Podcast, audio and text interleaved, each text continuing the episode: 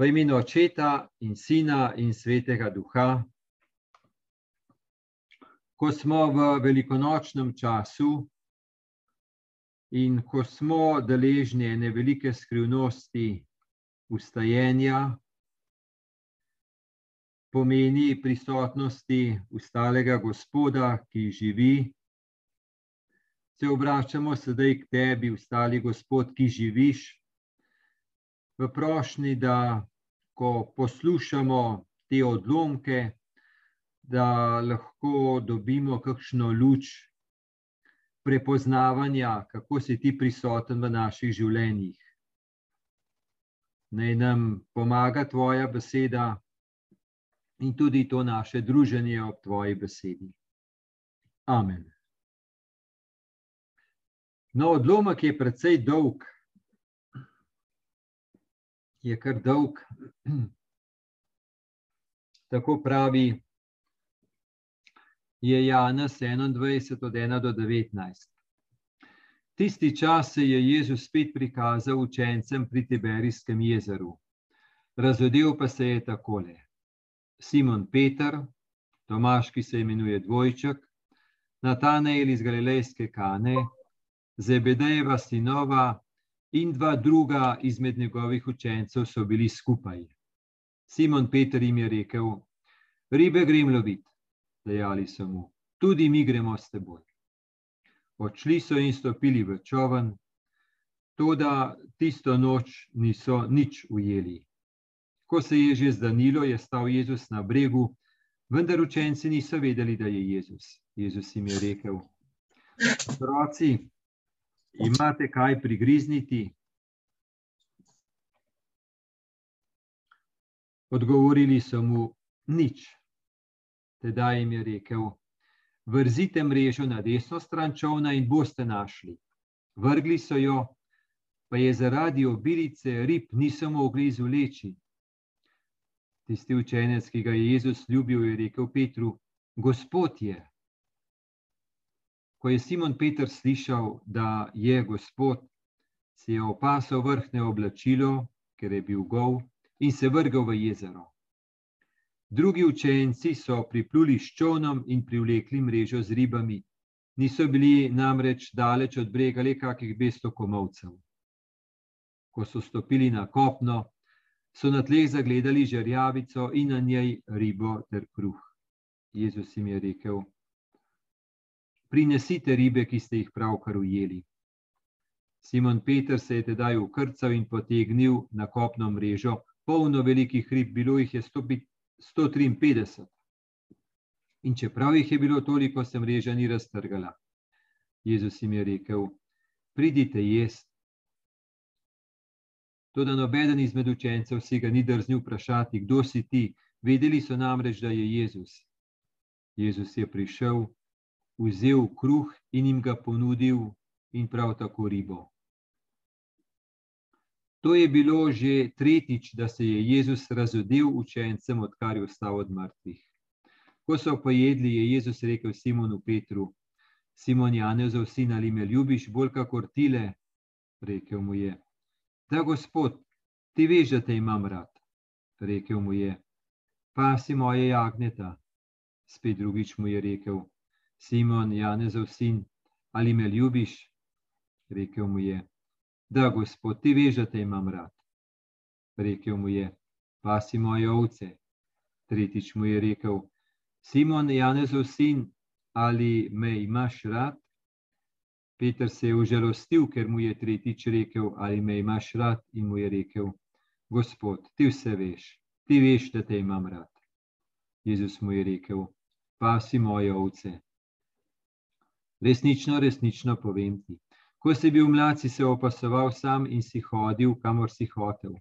Ko pa se boš postaral, boš raztegnil roke in drug te bo opasal in odvedel, kamor nočeš. To pa je rekel, da je nakazal, s kakšno smrtjo bo poveličal Boga. In ko je to rekel, mu je dejal: Hodi za menoj.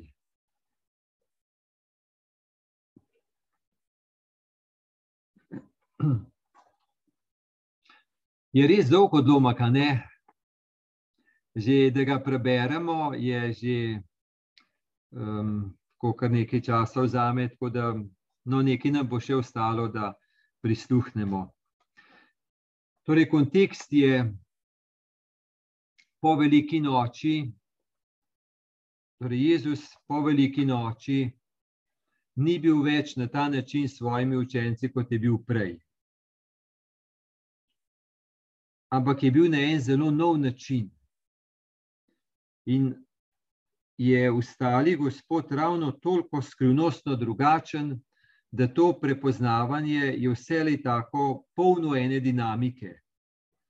Če se spomnimo, naprimer, srečanje med Marijo Magdaleno pri grobu, pa ostalim gospodom, kako je to res ena močna osebna dinamika bila, um, da ga je ona že videla, pa ni vedela, da je on. Ga je že slišala, pa ni vedela, da je on. Mu je celo rekla, pa ni vedela, da je on. Jo je moral prav poklicati, da je vedela, da je on. Tako res, kako je ostali gospod, tako nov, tako drugačen, tako presenet, presenetljivo drugačen. Potem je v Janezovem evangeliju, ko so bili zaprti, iz strahu so bili zaprti, in kako Jezus pride pri zaprtih uratih notri. In je spet eno tako novo, um, novo razodevanje njegove prisotnosti pri zaprtih uratih notri. Torej, zaprtost ni uvira in je stopil v mednje, v, med, v njihove odnose, jim dal odpuščanje in so lahko potem prepoznali, da je ostali Gospod med njimi. No, danes imamo pa eno novo razodevanje. To razodevanje je pa prisotnosti ustalega Gospoda skozi eno dogajanje, skozi eno delo. Torej, skozi delo so prepoznali, da je Gospod z nami, ostali Gospod je z nami. Vidimo, da je pa še posebej izpostavljen tudi v našem odlomku apostol Peter pravi, začel je odlomek tako. Tisti čas se je Jezus spet prikazal učencem pri Tiberijskem jezeru, razodel pa se je takole. Prevedeno je, se je prikazal. Zdaj, slovenski izraz prikazati se, se mi zdi, je malo bolj tak um, ozek. Lahko bi bilo prvo tudi, da se je razodel, kot je te drugič uporabljeno, razodel se je. Rekel, razodevanje je bolj skrivnostno, prikazati se, po mojem, no, je ta beseda bolj, da se nekaj prikaže, pa se vidi. Um, razodevanje je pa bolj, rekel, en proces in se mi zdi bolj skrivnostno. In um, je po vstajenju je Jezus učil svoje učence um, ene novosti, torej ni bil več z njimi na tak način kot prej, je bil pa še vedno z njimi. In to je, je učil, ko 40 dni jih je tega učil, da bi jih navadil na nekaj eno novost. To je zanimivo, kako gre stalno pot, samo naprej gre, se ne vrača nazaj, ampak kar naprej gre samo pot. No, in po 40 dneh je bil potem Jezus vzet v nebo, pa tudi teh prikazovanj oziroma razodevanj ostalega gospoda ni bilo več. Ampak jim je bil pa poslan sveti duh. No, in to je čez crkve, da je dan sveti duh, in tudi mi smo v to vključeni. Torej, je sveti duh, ki nam pomaga prepoznati, da je Jezus živ, da živi, da je ustali Gospod. Torej, oni so pa zdaj še v tem, da jih ustali Gospod uči novega načina. No, in potem so našteta imena, in je naštetih sedem imen. Sedem imen apostolov. Lahko nas malo preseneti, kako to, da je sedem, ne pa enajst. Kje so pa drugi? Ne vemo, ali so ostali ali niso ostali, v glavnem sedem jih je. Je pa tudi sedem simbolno število, pomeni polno število, pomeni dovolj jih je bilo. No, vidimo, da je med njimi tudi Tomaš. To je tisti Tomaš, ki je bil v prejšnjem odlomku dvomljivec, tako imenovani dvomljivec, no pa je zdaj z njimi. No, in Peter je dal pobudo, ribe grem loviti. Torej, ribe grem loviti, to je mnogo od njih so bili prej ribiči, Petr prav gotovo. Torej so se vrnili k svojemu, bi rekel, lahko življenju, delu, ki so ga imeli, preden so srečali Jezusa. Tja so se vrnili, drugega niso vedeli, kaj početi. So se pa k tem vrnili. Zdaj, kaj to pomeni, da so se vrnili k temu? Eno je, da jim je Jezus itak rekel: Pojdite v Galilejo, in Galileja je za nje gotovo pomenila prostor, kjer so prej živeli. Nekaj je pa lahko tudi to, da so rekli: Ja, sej zdaj, dobro, ta Jezus nekaj se prikazuje, ampak kaj ne pa mi zdaj počnemo?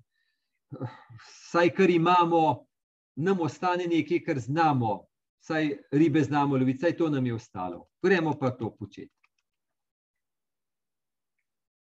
Torej, tukaj lahko začutimo vendarle v tem, da um, je to en trenutek še težek za apostole. Pa čeprav pravim, je bilo nekaj teh razodevanj ustalka gospoda, ampak vendarle očitno je bilo še med njimi nekaj tega, da so rekli, edino, kar poznamo, dajmo se tega uprijeti, kar je gotovo, to se pravi ribarjenje.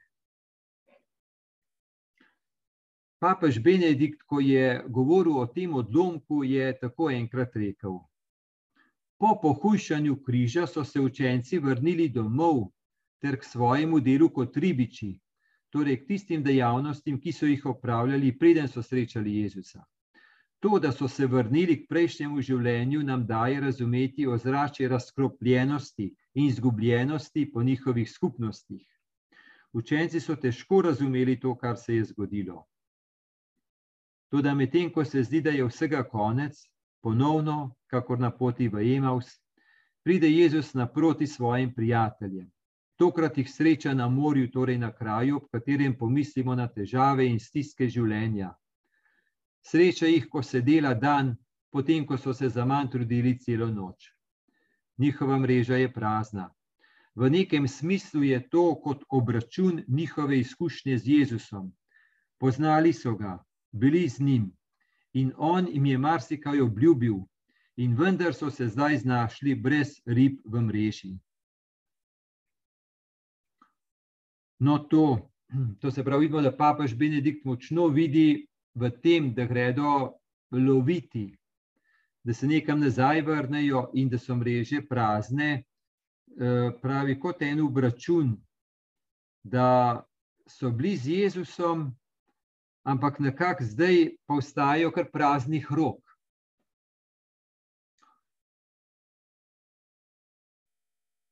Jezus je Petru enkrat rekel: Naredil te bom za ribiča ljudi. Kaj pa je zdaj Peter imel v roki? Prav veliko ljudi ni, ni nabral, ne? je vstal brez, še sam je zbežal takrat, ko je bilo, in uh, zdaj so s prazno mrežo. Se pravi, je res dobro, da vidimo en tak trenutek, kar težek. Pa pravim, ki, ni, ki bi nekako zaobjemal, kot pravi papež Benedikt, eno celoto njihove izkušnje z Jezusom. Da so bili še vedno v taki točki, nekako kot da so ostali brez vsega. Pa čeprav pravim, se jim je Jezus že prikazal, ampak še vedno je bilo pa to tako mal, da, nekak, da so bili nekako, bi rekli, v zraku še vedno niso vedeli, kaj pa kako, kam se nasloniti. In očitno so res potrebovali eno tako srečanje. No, pravi, da so mm, torej, to noč niso nič ujeli, in um, torej noč se je že nehovala, in niso nič ujeli. Ribe se lovi po noči, torej ni bilo nič več možnosti, da bi se še kaj ujelo. Pravi, ko se je že zdanilo, torej ko je bilo že prepozno, da bi še kaj ujeli, je stal Jezus na bregu, vendar učenci niso vedeli, da je Jezus in jim je rekel: Otroci, imate kaj prigrizniti, in so odgovorili: Nič. No, to, če se ustavimo ob njih, res lahko začutimo, kaj pomeni, da so rekli: Nič nimamo. Brez nič nimamo, prav nič nimamo, brez vsega smo ostali v življenju smo vse zapustili in hodili za teboj, oziroma za Jezusom, ampak zdaj smo pa ostali brez vsega, en velik nič. No, tedaj jim je rekel: Vrzite mrežo na desno stran čovna in boste našli. In vrgli so jo, in se je potem strašansko napolnila. No, torej, bi lahko tudi tako rekli, če so rekli, no, če se je z Jezusom ponesrečil, ampak saj nekaj nam pa ostane, saj ribolov, saj tam smo dobri, saj tam nam dobro gre. Ampak tudi tam so izkusili prazno mrežo. Ta nič, to je res nič, ki ga mar zdaj v življenju lahko občutimo, ko se za marsikaj trudimo, ampak sadovi potem niso sorazmerni temu, za kar se trudimo in kot se trudimo. Je mar zdaj v življenju res ogromno enega truda, pa sadov pa kot da ni. Eni rečejo, naprimer, da to doživijo za vzgojo otrok, da so se kar trudili, potem pa kot da vse je ne vem kam šlo kakšni v poklicu, kakšni v odnosih. Toliko sem uložila v odnos, pa na koncu brez vsega ostanem. Tako ta nič je res tako eksistencialen in je zelo, zelo močen. Nič. Nič nimamo, nič nismo jeli. Imate kaj prigrizniti, nič nimamo. Nič hrane, nič nimamo. No, zdaj pa oni, ko so se v tem znašli, pa ko slišijo to vprašanje, ali imate kaj prigrizniti, torej da se nekdo zanima za nje. No, ne vemo, lahko da jih je Jezus vprašal, imate kaj za jesti, jaz sem lačen. Lahko jih je pa vprašal za njih, ali ste imeli kaj za jesti ali ne. To je odprto, to ne vemo. No, vsekakor pa, um, ko je začel pogovor, so potem ga ubogali, vrzite mrežo na desno stran. Pomeni, kaj to pomeni? Pomeni, da so bili vendarle odprti. V težki situaciji, ampak so bili odprti. Ko je težka situacija, niča, takrat se zelo hitro lahko naredi, da um, se človek zapre v srcu, da obupa, da neha upati, da se lahko jezi, da išče krivca. Skratka, toliko enih, enih dinamik, ki ne odprejo, ki ne pomagajo iti naprej, ampak zaprejo. No, oni pa na en način so bili odprti. Kako to? Ampak v vsakem primeru pa torej so bili odprti in so se potem zanesli na Jezusovo besedo. Pa čeprav niso vedeli, da je on ampak ali so čutili v eno dobrohotnost iz strani tega, ki ga niso poznali, nekaj, očitno nekaj se je zgodilo v njihovih srcih, da so um, bili odprti, da so zaupali, da so dali novo možnost, da so se pustili naprej potegniti. Tako da ta odprtost je res ena, to je dejansko že odprt grob da ni nekaj zaprtega, ampak je nekaj odprtega. To je res ena skrivnost srca. Da na, da na določeno situacijo, da ne reče, tako je in konec, in drugače ne more biti. Ali pa celo klicaj, nekaj mi govorite, jaz vem, kako je. Ampak tako, da se postavi vejca in da je mogoče nadaljevati. To verjamem, da je ena od zelo, zelo globokih skrivnosti našega življenja. Se spomnim, je enkrat ena rekla v duhovnih vajah na pogovoru, kako jo je um, nagovorilo, ko v Janezovem evangeliju enkrat Jezus reče: Vaša žalost se bo spremenila v veselje. Je rekla, mi je to tako zadelo, prav jaz sem se včasih borila proti žalosti, da jo ne bi bilo. Prav, ko sem pa to besedo začutila, slišala, vaša žalost se bo spremenila v veselje, prav je bila pa taka osvoboditev, da tu če je žalost, ampak zaradi to je bilo v povezavi s svetim duhom. Ampak sej, če pa žalost, ampak sej se bo spremenila v veselje. Prav to mi je bilo pa taka odprtost, tako drugačen pogled, tako nov pogled. Prav prej sem se pa sam borila proti žalosti, da jo ne bi bilo. Prav ta žalost se bo spremenila v veselje, prav pa čist nekaj drugega. Torej, ta odprta drža, to ima že nekaj okusa vstajenja, pa vstajenske moči. Torej, ne nekaj zaprtega, ampak nekaj, da se lahko razvije naprej. Mi smo v resnici tako narejeni, da nas skušnjava lahko tako nam pokaže prst na eno stvar, da rečemo, zdaj pa to tragedija in ta tragedija bo tragedija in konec.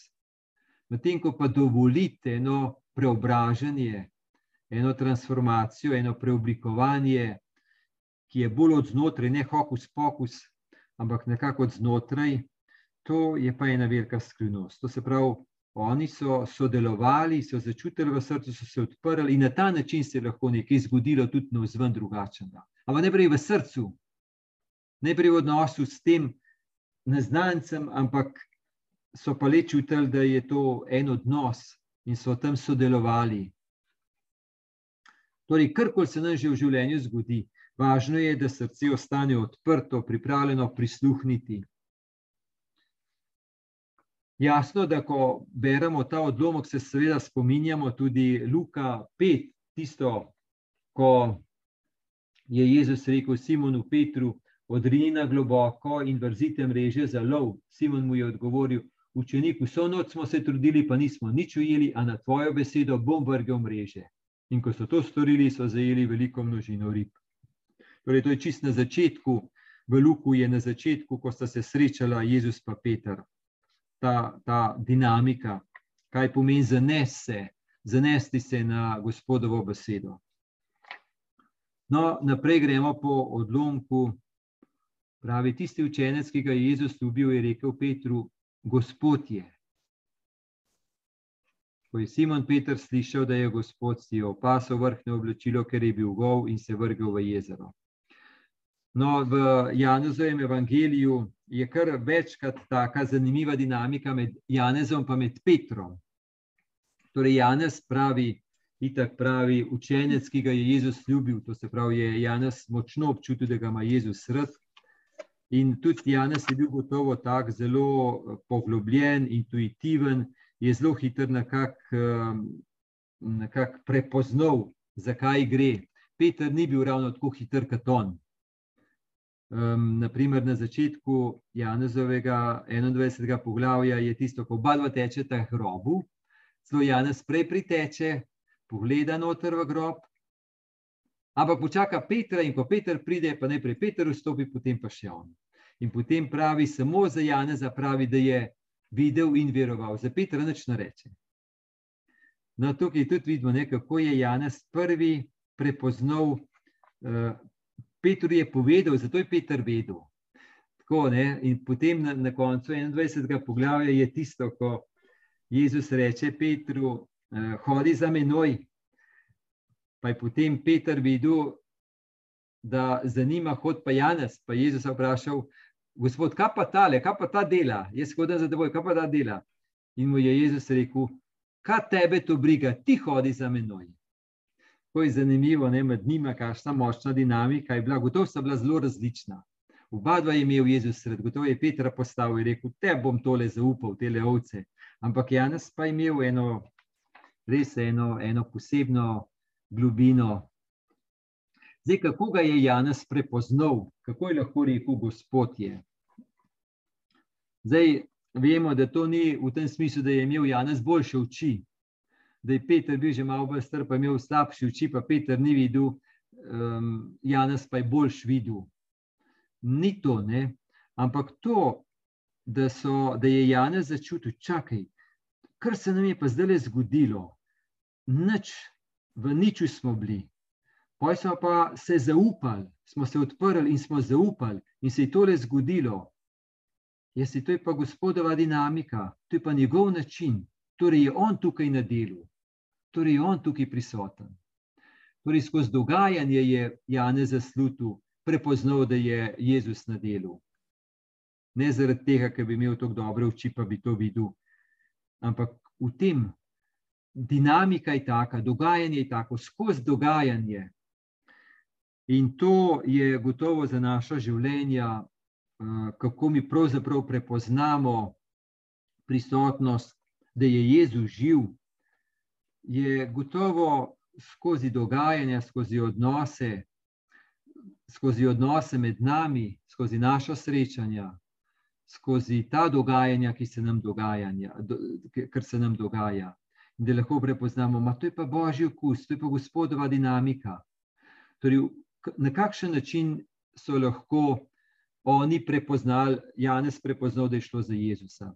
Zaradi tega, ker so ga poznali kot zgodovinskega in so se nekaj naučili od njega, jim je on posredoval nekaj, kdo je on in kakšen je njegov način. Torej, zato, ker so ga poznali in ker so ga imeli radi, so lahko tudi zdaj, v tem trenutku, ko je bila ena taka dinamika, so rekli: To je pa Jezusov način, to je pa on. In za nas je isto. Nam je dan sveti duh, da nam pomaga prepoznati. Jasno, mi se učimo od Jezusa, tudi zgodovinskega, da, da prepoznamo, kdo je on in kakšen je. Poj pa, da v vsakdanju prepoznamo njegovo prisotnost, ki vidimo, da je skrivnostna in da, da je lahko ustali Gospod mnogo, mnogo, mnogo bolj prisoten, kot um, ker je tako skrivnostno ker je tako skrivnostno, lahko tudi tako preprosto, sredi njihovega dela. Oni so šli skozi noč, tako da niso mogli reči, vse je pod našo kontrolo. Smo tako vrgli mreže, tako pa tako naredili, in smo vedeli, da je to, mora biti tako, kot smo mi načrtovali. Torej, oni so bili ribiči, ampak jim ni šlo. Torej, so šli skozi to situacijo niča. Tako da kolikor se čudno sliši, ampak očitno je kar dobro, lahko milostno, da včasih gremo skozi kakšno situacijo niča, zaradi tega, ker nam takrat Gospod lahko pove, da tudi On lahko kaj naredi za nas, ne sami sami. In da ko On kaj stori za nas, da prepoznamo, ne samo, da je takrat nekaj storil za nas, ampak da lahko bolj in bolj prepoznavamo, kako je vse en velik božji dar, da ima vse en okus božjega daru. Torej, takrat, ko smo v niču, še posebej občutimo, da ni naše, da ne moramo to posedovati, ampak da prejemamo lahko kot, samo kot zastonski dar. Ampak to nam je zato dano, da bi lahko mi vse, kar je, kar smo, kar imamo, kar nam je dano, da bi lahko živeli kot zastonski dar, ker ko to živimo, potem lahko to delimo. Pa ni treba si tega lastiti, pa ni treba s tem kupčevati, pa daj dam, ampak je res ena taka globinska transformacija srca. No, zdaj ura gre, ker je tako dolgo doma, moramo iti hitro naprej. Tako da bomo malo pustili tole vrhno oblačilo, to je zelo simbolno, um, o krstu govori. Torej, o krstu govori, um, da, se je, da je dal dol to oblačilo, pa se je vrgel v jezero, uh, torej, da voda odplakne starega Petra in da bo prišel ven nov Peter, Um, no, gremo brž naprej. Ko so stopili na kopno, so na tleh zagledali žrjavico in na njej ribo ter kruh. Im je potem rekel: Prinesite ribe, in tako naprej. To se pravi, ko so stopili na kopno, pravi, je že pripravljeno. To je tudi ena taka velika skrivnost, da je že pripravljeno. Kako človek gleda, nekako mar zdaj, nekaj bo pripravljeno, če bom jaz pripravil. To je edina dinamika, ki obstoja. Bo pripravljeno, če bom jaz pripravil kaj pa pomeni ena bolj odprta dinamika, da je kaj lahko pripravljeno, da jaz sprejmem, da sem deležen tega, da ni vse samo tako osko, nekako moj trud, posledica tega in to, ampak kako je vse bolj skrivnostno, skozi naše odnose, kaj vse mi je pripravljeno po bližnjem, da jaz edino sprejmem lahko. Medtem ko pa ta logika nekako posedovanja, kontroliranja in da je pripravljeno samo tisto, kar jaz pripravljam, to je pa res zaprta drža, ne? da se čutimo, da je to zaprta drža. Kaj vse mi je pripravljeno v bližnjem, v sočloveku, kaj vse je tako podarjeno. No, Jezus jim je rekel, pridite jest. Pravi jim je potem, je vzel kruh in ga ponudil in prav tako ribo um, torej jim je Jezus dal. jim je pripravil in jim je dal. No, in tukaj Janez, to je tako, dost, rekel, soglasno gledanje razlagalcev Evangelija Janezovega, da tukaj je prikazana, simbolno prikazana Euharistija, zakrament Euharistije. Torej, Jezus pripravi in daje hrano, daje svojo ljubezen. In to je najbolj bistvena hrana, ki jo potrebujemo v življenju. Torej, ljubljenost, brezpogojna ljubljenost. Torej, v zadnji večeri se je dal, se je izročil in um, to je zakrament Euharistije in je tukaj simboliziran. No, zdaj pa še hitro rečemo tole o Petru, par besed imamo še. Vidimo, da je dialog, tak dialog med Jezusom in Simonom Petrom, če ga ima rad in tako naprej. No, najprej vidimo to, da je najprej Jezus nahranil učence in tudi Petra. Potem bo rekel, pasi moje jagneta, oziroma hrani moje jagneta. V, v originalu je ta glagol hraniti jagneta ali pa pasti jagneta, ima isti koren. Zdaj v slovenščini je drug. V glavnem, ko je bil Peter nahranjen z božjo hrano, Potem reče Jezus Petru, no zdaj pa ti hrani ovce. Jasno, s hrano, s katero si bil ti nahranjen, ker ovce so moje. Vidimo, da zmeri reče, pa si moja jagneta, moje ovce. Moje ovce, ne, to se pravi, ne Petrove ovce, ampak Jezusove ovce, tebi jih zaupam, in ti hrani na ta način, kot jaz tebe hranim. To bo prava hrana za ovce. Potem vidimo, kako Jezus ustraja, da ga vse le najprej popraša po ljubezni, po odnosu. Potem mu šele reče, nekaj naredi. To, da je temelj odnos, potem šele delovanje to je tudi nekaj takega tipičnega Kristusovega. Se konc koncev tudi v naših medsebojnih odnosih. Operativno za nekoga nekaj narediti je tudi nekaj uredno, ampak v odnosu biti, to je pa bolj trden temelj. Potem že druge stvari tudi pridejo na vrsto. Torej ga močno sprašuje po odnosu, poj pa dobiš delo. Tako je. No, in potem vemo, da trikrat ga vpraša. Zdaj, a s to trikratno vprašanjem, torej, ko, ko ga spominja na trikratno zatajitev, ali mu s tem hoče reči, Peter, da ne boš pozabil, kako si ga polomil, veš, ne moram jaz spomniti, da ja ne bi pozabil, kakšna reva si bil. A je zato pet Jezus trikrat rekel? Prav gotovo ne, to mu res ni bilo treba, ker mu je itak že odpustil. Peter mu je tri, eh, Jezus je trikrat Petra vprašal, tega, da bi ga torej spomnil, kdo je Peter.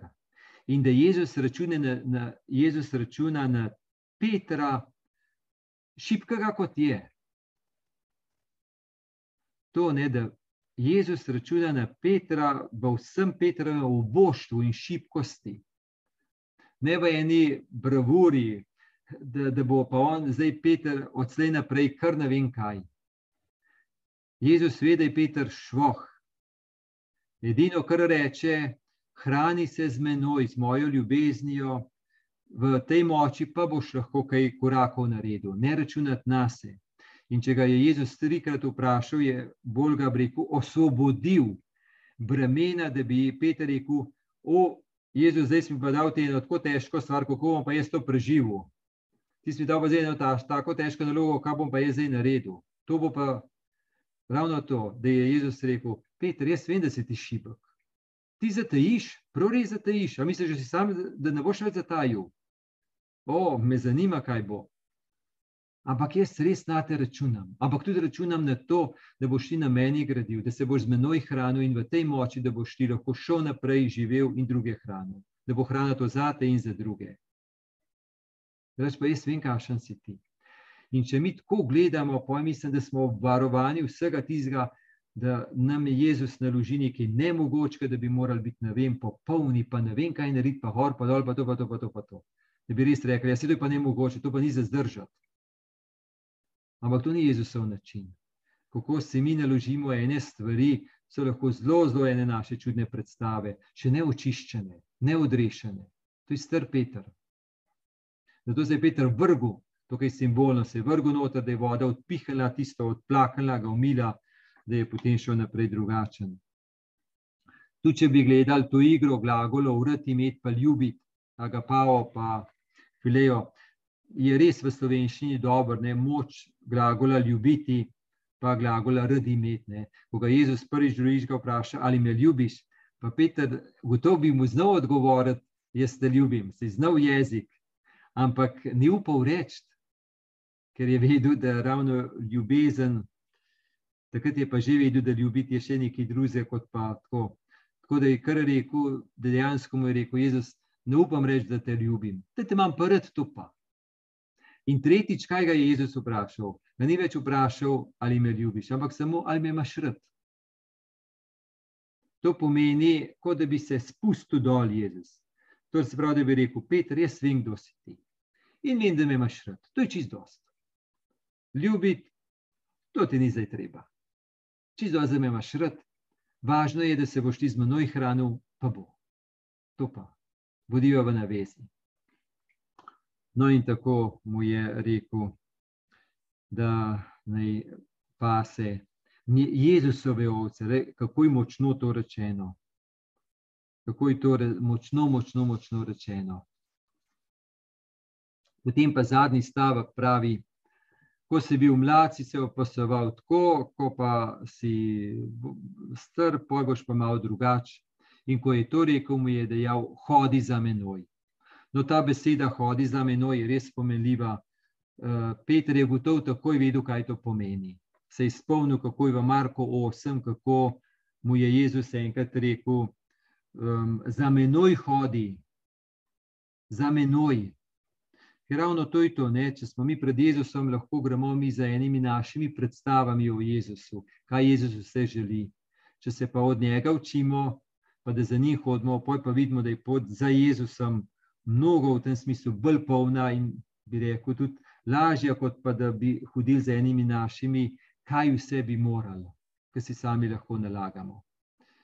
No, tako, zaključiti moramo in naj vas spremlja Božji blagoslov, blagoslov Boga Očeta in Sina in Svetega Duha.